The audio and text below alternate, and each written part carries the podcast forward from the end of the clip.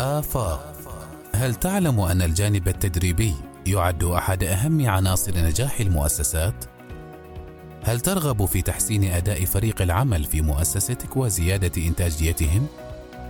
إذا كان الجواب نعم، فعليك أن تتابع برنامج آفاق الذي يسلط الضوء على أهمية الجانب التدريبي في المؤسسات الحديثة والاستفادة من مجالات التدريب والتنمية البشرية المختلفة لتقديم أفضل الاستراتيجيات والأدوات لتطوير مهارات فريق العمل في مؤسستك.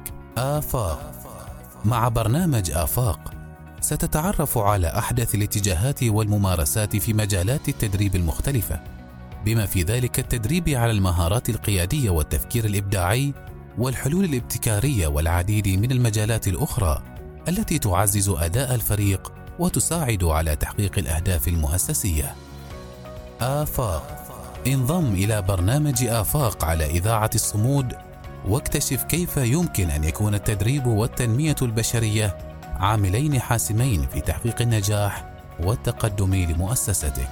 آفاق نلتقي من خلال حلقاته الأسبوعية بالعقيد متقاعد عبد الوهاب بن عبد الكريم البلوشي وتحاوره المدني جواهر بنت محمد الحسنية ومن إخراج المدني أحمد بن محمد الشيدي أسعد الله أوقاتكم بكل خير مستمعين الكرام وأهلا ومرحبا بكم عبر أثير إذاعة الصمود لقوات السلطان المسلحة وفي حلقة جديدة من برنامج آفاق والذي يأتيكم كل خميس في الساعة الواحدة وعشر دقائق مساء عبر أثير إذاعة الصمود لقوات السلطان المسلحة عبر التردد 95.1 ميجا هرتز متابعينا كثير ما نجد أنفسنا محاطين بالأفكار النمطية التقليدية حول العلاقات المهنية الإيجابية. ولكن هل جربنا فعلا البحث عن الأسرار وراء الروابط القوية في بيئة العمل؟ في حلقة اليوم والتي خصصناها للحديث عن العلاقات المهنية الإيجابية سنفتح آفاق لاكتشاف أفكار جديدة في هذا الموضوع. فالعلاقات المهنية الإيجابية ليست مجرد مسألة ود وتعاون في مكان العمل بل هي من العناصر الأساسية للنجاح المهني وللحديث أكثر عن هذا الموضوع نرحب بضيف البرنامج الدائم العقيد متقاعد عبد الوهاب بن عبد الكريم البلوشي من شرطة عمان السلطانية أهلا وسهلا بكم سيدي أهلا وسهلا بك وبالمستمعين الكرام. أهلا بك. سيدي هناك مقولة تقول وراء كل علاقة جديدة فرصة جديدة. بداية ما هو مفهوم العلاقات المهنية ولماذا هي تعد مهمة في بيئة العمل؟ آه، بسم الله الرحمن الرحيم. العلاقات المهنية يعني علاقات هامة ومهمة للموظف آه، وللمنظمة وهذه العلاقات المهنية ممكن وصفها بأنها هي تلك العلاقات اللي تتشكل في محيط أو بيئة العمل ومرتبطة هذه العلاقات بالوظيفة بالواجبات بالمسؤوليات وبالحقوق المتاحة للموظف. ويمكن آه، وصف العلاقة المهنية بأنها العلاقة اللي تمكن الموظف من تحقيق الأهداف اللي مطلوبة منه وتمكن المنظمة من تحقيق أهدافها وبالتالي ضروري جدا تكون هذه العلاقات المهنية علاقات مبنية على الوضوح والشفافية وعلى الصدق والثقة المتبادلة بين الجميع. وتنقسم العلاقات المهنية إلى ثلاثة أنواع. العلاقة بين الموظف والمسؤول أو المديرين. العلاقة بين الموظفين. العلاقة بين الموظفين والعملاء أو من هم المستفيدين من الخدمة. بالنسبة للسؤال الثاني أو الجزء الثاني من السؤال لماذا تعد مهمة في بيئة العمل طبعا هي مهمة جدا. ونقول أنها ضرورية كذلك مش إلا مهمة فقط. فالعلاقات المهنية الإيجابية هي تمكن الموظفين من تقديم الدور المطلوب منهم بكل سهولة وبكل يسر وبكل كفاءة وتضمن للمنظمة للمؤسسة تحقيق أفضل النتائج. ولذلك ضروري جدا أن تكون هذه العلاقات المهنية الصحية تكون مثمرة في مكان العمل لأن الأهداف اللي موجودة المطلوبة من الموظف يحققها وسواء من القسم أو من الإدارة أو الإدارة العامة أو المنظمة ككل ما تتحقق بمستوى الكفاءة ولا تتحقق الإنتاجية بالمستوى المطلوب إلا إذا كانت العلاقات المهنية مستوى عال من حيث الاحترام المتبادل من حيث التعاون التفاهم التواصل الجيد بين الموظفين والرؤساء والعملاء.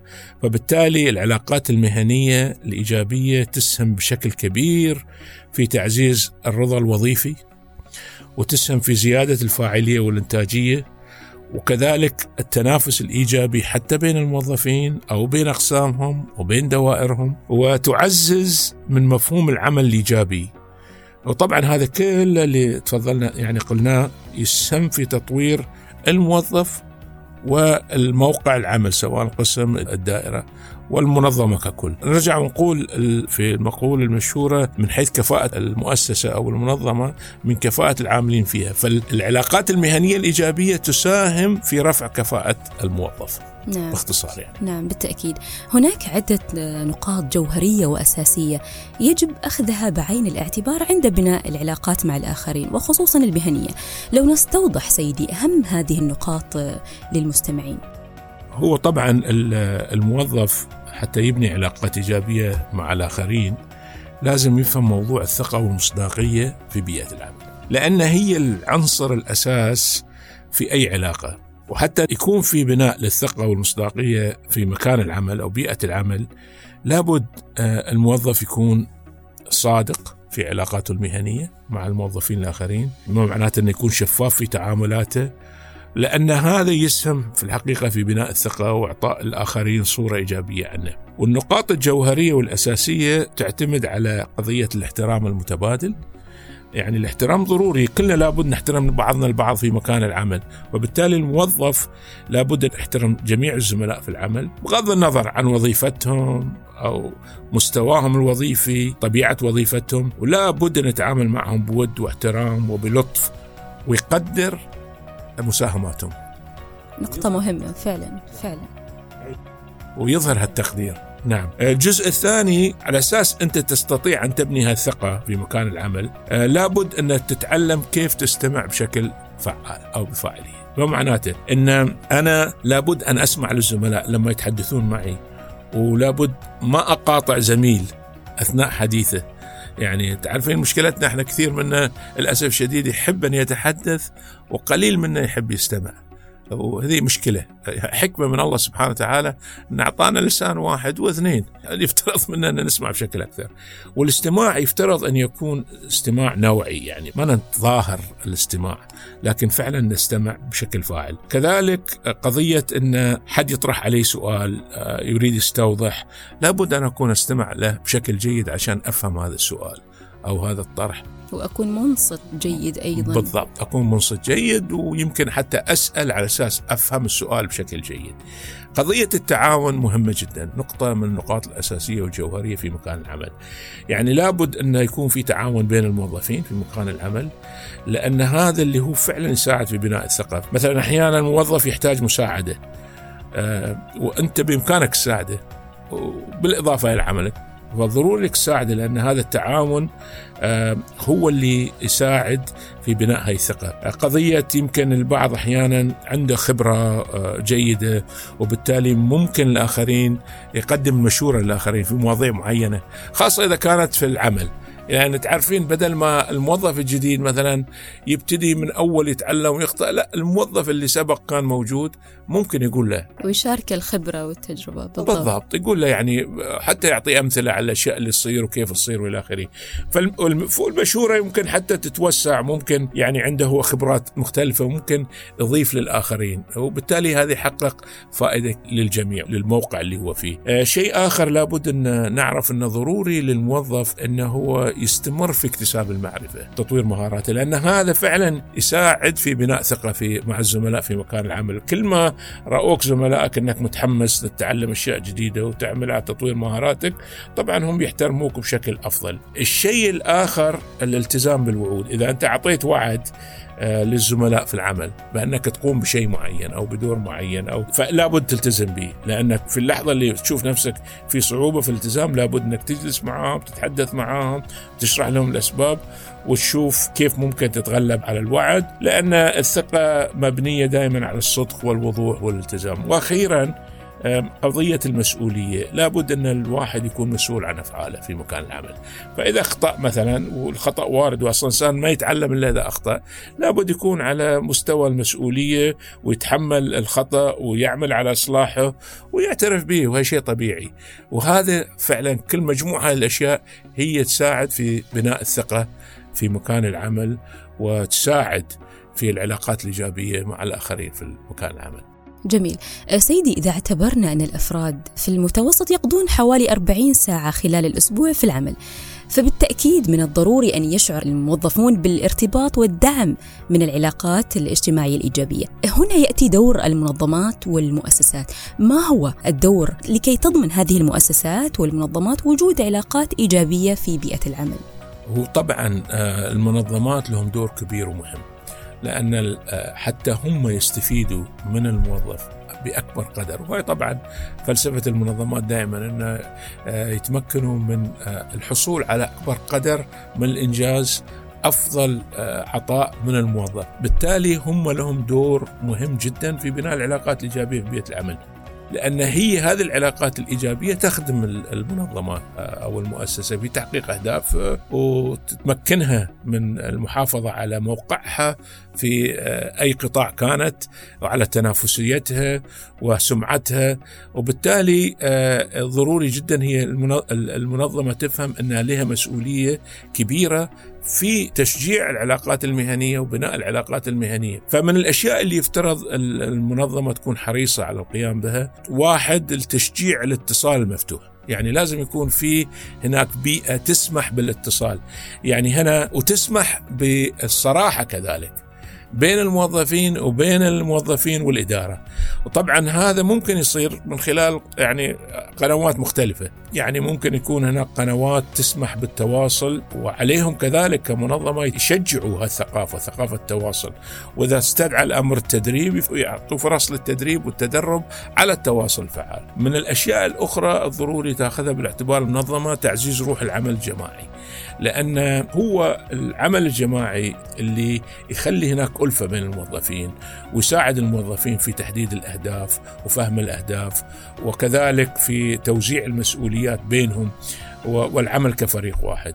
آه، من الأشياء الأخرى اللي ممكن تعملها المنظمة إشراك الموظفين في صنع القرارات. يعني هنا أقصد أن إذا كان في قرار اللي هو المنظمة لابد أن آه، تضعه لابد أنها تفكر في إشراك الموظفين آه، في صنع هذا القرار. لأن هذا راح يعطيهم إحساس آه، للموظفين أنهم مهمين وشركاء في المسؤولية وفي كل ما يتعلق بمسار المنظمة. أخيرا قضية الاحتفاء بالنجاحات.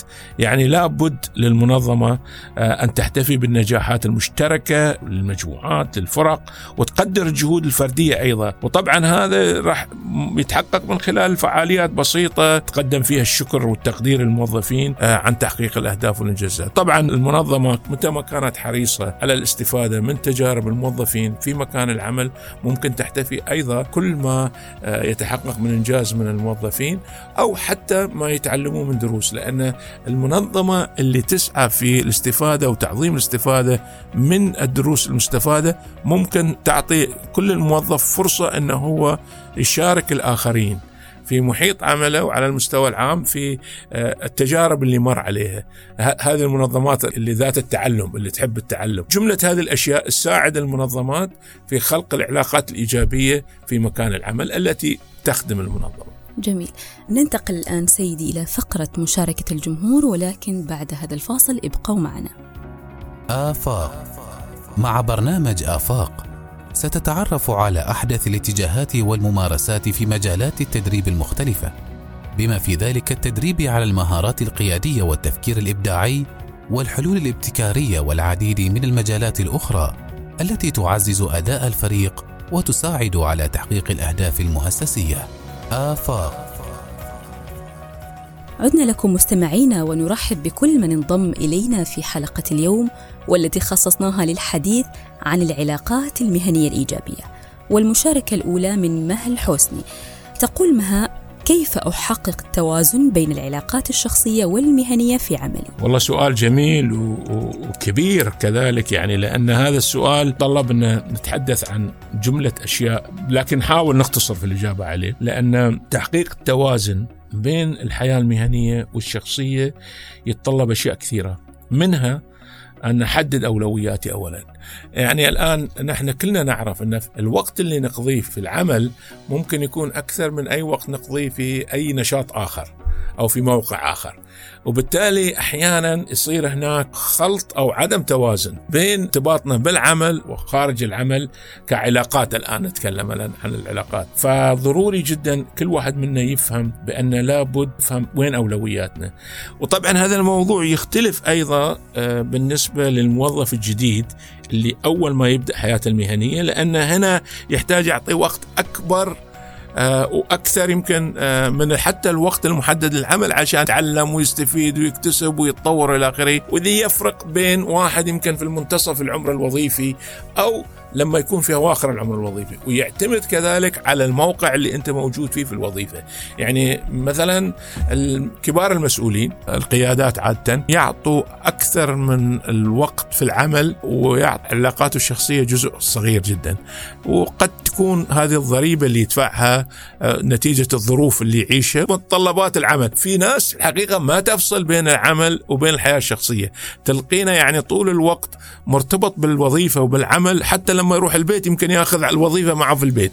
وطبعا هذا شيء غير صحي ويفترض ما يكون يعني معناته أمر هو قضية إن لابد أنا أفهم بأن لازم أنظم وقتي. لازم أحدد أولوياتي لازم أفصل بين وقتي الخاص أو علاقاتي الخاصة أو علاقاتي الشخصية وعلاقاتي المهنية وأحاول أن أعرف أن هذه العلاقات المهنية مرتبطة بالوظيفة ومرتبطة بالحقوق والواجبات والسياسات المرتبطة بالعمل.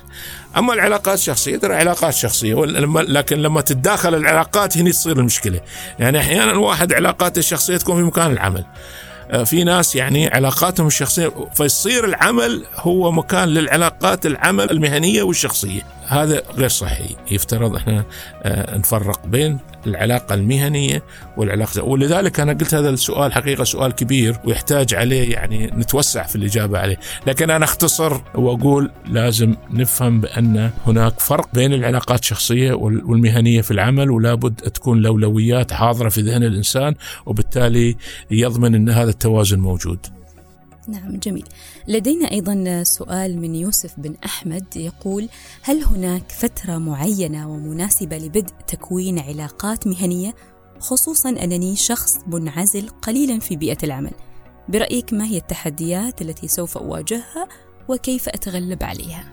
والله سؤال جيد وسؤال كذلك يعني يتفرع أيضا إلى عدة بالضبط. يتفرع. والحقيقة أنا أعتقد أن بحكم طبيعة الشخص يعني إحنا ما كلنا عندنا نفس الطبيعة في ناس انطوائيين وهذا شيء واضح يعني آه، في بعض المؤسسات لما يأتي الموظف كجديد في مكان العمل تحصلينه قد يكون ما كثير يتفاعل مع الزملاء وكثير آه، يتداخل معاهم. وهي طبيعي ما في شيء غير طبيعي. أغلب الناس كذا يأخذ لهم وقت يعني. لكن الإجابة على سؤال الأخ يوسف انه ما في فترة معينة ومناسب لبدء تكوين علاقات مهنية الحقيقة يستحسن وجهة نظري أن تكون مع بداية الوظيفة تتكون العلاقات المهنية لأن تساعده في مكان العمل. كل ما كان في علاقات بينه وبين زملائه في العمل وعلاقات صحية وإيجابية هذا راح تساعده في القيام بالعمل وكذلك راح ترغبه في مكان العمل لأنه هو يقضي فيه وقت كبير. قضية إنه هو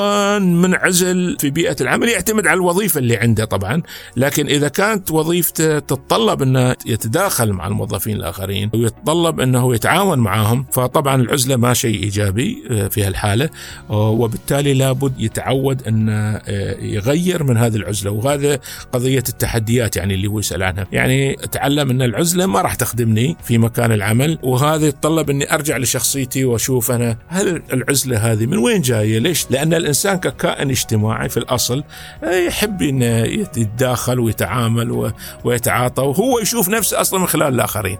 فالعزلة أحيانا يعني العزلة ما شيء مساعد في في مكان العمل. فالتغلب عليها بسيط ما أنا صعب أنا أعتقد لأنه هو اولا إذا ما اقتنع أن العزلة ما راح تخدمه يبتدي يشتغل على كيف هو يترك هذه العزلة ويبني العلاقات الإيجابية مع الزملاء في مكان العمل ويغتنم الفرص والمناسبات التي يكون فيها تجمعات في مكان العمل من أي نوع سواء كان تدريب أو لقاء أو اجتماع في بناء علاقات. وكذلك يكون حريصا يبدي رأيه. يعني بعض الموظفين من كثر طبيعتهم يمكن شخصيتهم آه، ما كثير منطلقين يعني يتعاطون أو يتفاعلون في مكان العمل ويعطون آرائهم. آه، هذا حقيقة ما يخدم. يخدم الموظف أنه يكون يفهم العمل مكان العمل متطلبات العمل زملائه في العمل. كونهم أيضا عذرا عن المقاطعة كونهم أيضا يتشاركوا جميع الموظفين يتشاركوا في نفس الهدف. فالمفروض أنه التواصل أكثر آه، يزيد في بيئة العمل لتحقيق هدف معين وهدف واحد للجميع في مصلحة الجميع. بالتأكيد. يعني هو فعلا يعني إحنا أصلا يجمعنا هدف واحد مكاننا في مكان العمل ولابد نتعاطى مع بعض ونتفاعل مع بعض ما يخدم العمل. ويساعدنا إحنا نتطور. فالعزلة حقيقة ما تساعد. فأنا إجابتي على الشق الأخير من سؤال التحديات وكيف أتغلب عليه اولا يقتنع أن لأن القناعة ممكن يغير هو. يقتنع أن العزلة ما وضع إيجابي أو ما له فوائد ما يخدم تطوره هو المهني وبالتالي يعمل على تغيير ينفتح شيئا فشيئا من خلال التواصل من خلال الجلوس وتتغير. ترى الإنسان يتغير وبكل سهولة يعني. نعم أكيد. شكرا لكم متابعينا ونحن نسعد ونرحب دائما باستقبال أسئلتكم واستفساراتكم على رقم البرنامج 27770 قبل الختام سيدي ذكرنا سابقا أن العلاقات المهنية الجيدة في العمل هي مفتاح النجاح المهني للموظف المهني المميز. نصيحة أخيرة تقدمها للفئة التي تعتقد أنها لن تحتاج لبناء شبكة علاقات مهنية. والله أنا أنصح الجميع أنه هو يفهم أن العلاقات في مكان العمل المهنية الصحية الإيجابية آه، ضرورية. ما ممكن واحد يقول أنا ما محتاج لعلاقة في مكان العمل يعني العلاقة المهنية أقصد. فمثل ما تفضلتي هي العلاقة المهنية الجيدة مفتاح النجاح في التطور المهني للإنسان. وطبعا هذه لن تتحقق أو لا يتحقق هذه العلاقة إلا إذا كان الإنسان واعي وفاهم أن لابد أنه هو يسعى ويعمل على بناء ثقة مع الآخرين في مكان العمل. والثقة طبعا هي العنصر الأساسي أنا ذكرت سابقا في تحقيق أي نجاح وتقدم مهني في مكان العمل وفي الحياة المهنية. لأن الإنسان عندما يتمتع بالثقة يمكن يحقق أشياء كثيرة. واثق من نفسه ومن قدراته وبالتالي يقدر يحقق أشياء كثيرة. ولازم نتذكر أن بناء الثقة آه، يتطلب العمل الجاد يتطلب الصراحة يتطلب الشفافية قدرة على التعامل مع الإشكالات والتحديات والاستفادة من التجارب. والتعلم منها. والثقة في الذات ما هي شيء ثابت. يعني أحيانا ممكن يفقدها الموظف أحيانا لظرف أو لوضع معين. بالتالي ما مفروض أنه هو ييأس أو يتجنب وبالتالي يقول ما محتاج لعلاقات مهنية. وطبعا الموظف لابد أن يهتم بنفسه ويهتم بصحته النفسية والجسدية وقضية التوازن هذيك اللي ذكرناها في السؤال السابق ويتجنب الإجهاد الزايد والضغوطات النفسية ولا يأخذ الإشكالات العمل إلى مكان البيت في حياته الشخصية. يعني يتجنب هذه الأمور. بالضبط نقطة مهمة فعلا. يتجنب هذه الأمور. وكل ما ازداد معرفة الإنسان كل ما ازداد فهم كل ما زاد تجاربه هذه كلها تساعده في أنه هو يحترم العلاقات المهنية في مكان العمل ويحافظ عليها ويطورها وكذلك لا يجعلها تعمل عدم توازن في حياته مع علاقاته الأسرية الشخصية إلى آخره نعم. وهذا يعني كخلاصة جميل. جزيل الشكر لك سيدي العقيد متقاعد عبد الوهاب بن عبد الكريم البلوشي من شرطة عمان السلطانية لإثراء حلقة اليوم بهذه المعرفة القيمة. شكرا لكم. وكان من دواعي سرورنا مشاركة المعرفة معكم مستمعينا الكرام وها نحن قد وصلنا إلى نهاية حلقة اليوم نذكركم أنه بإمكانكم المشاركة في الحلقة القادمة والتي سوف نتطرق فيها لموضوع الولاء الوظيفي وكتابة أو تسجيل أسئلتكم واستفساراتكم. كما نرحب أيضا بمقترحاتكم لمواضيع تستحوذ اهتمامكم وتتعلق بالتنمية البشرية وتطوير الذات للحلقات القادمة. وذلك عن طريق رسائل الواتساب على رقم البرنامج 27 770 770 أو من خلال التعليق على حساباتنا على موقعي إكس والإنستغرام. ويمكنكم أيضا الاستماع إلى حلقات برنامج آفاق عبر تطبيق البودكاست وال SoundCloud. موعدنا معكم يتجدد الخميس المقبل بإذن الله تعالى عبر أثير إذاعة الصمود لقوات السلطان المسلحة. هذه تحياتي جواهر بنت محمد الحوسنية وتحيات مخرج البرنامج مدني أحمد الشيدي. دمتم بحفظ الله ورعايته. آفاق. هل تعلم أن الجانب التدريبي يعد أحد أهم عناصر نجاح المؤسسات؟ هل ترغب في تحسين أداء فريق العمل في مؤسستك وزيادة إنتاجيتهم؟ إذا كان الجواب نعم، فعليك أن تتابع برنامج آفاق الذي يسلط الضوء على أهمية الجانب التدريبي في المؤسسات الحديثة والاستفادة من مجالات التدريب والتنمية البشرية المختلفة لتقديم أفضل الاستراتيجيات والأدوات لتطوير مهارات فريق العمل في مؤسستك. آفاق. مع برنامج آفاق ستتعرف على أحدث الاتجاهات والممارسات في مجالات التدريب المختلفة بما في ذلك التدريب على المهارات القيادية والتفكير الإبداعي والحلول الابتكارية والعديد من المجالات الأخرى التي تعزز أداء الفريق وتساعد على تحقيق الأهداف المؤسسية. آفاق. انضم إلى برنامج آفاق على إذاعة الصمود واكتشف كيف يمكن أن يكون التدريب والتنمية البشرية عاملين حاسمين في تحقيق النجاح والتقدم لمؤسستك. آفاق نلتقي من خلال حلقاته الأسبوعية بالعقيد متقاعد عبد الوهاب بن عبد الكريم البلوشي وتحاوره المدني جواهر بنت محمد الحسنية ومن إخراج المدني أحمد بن محمد الشيدي.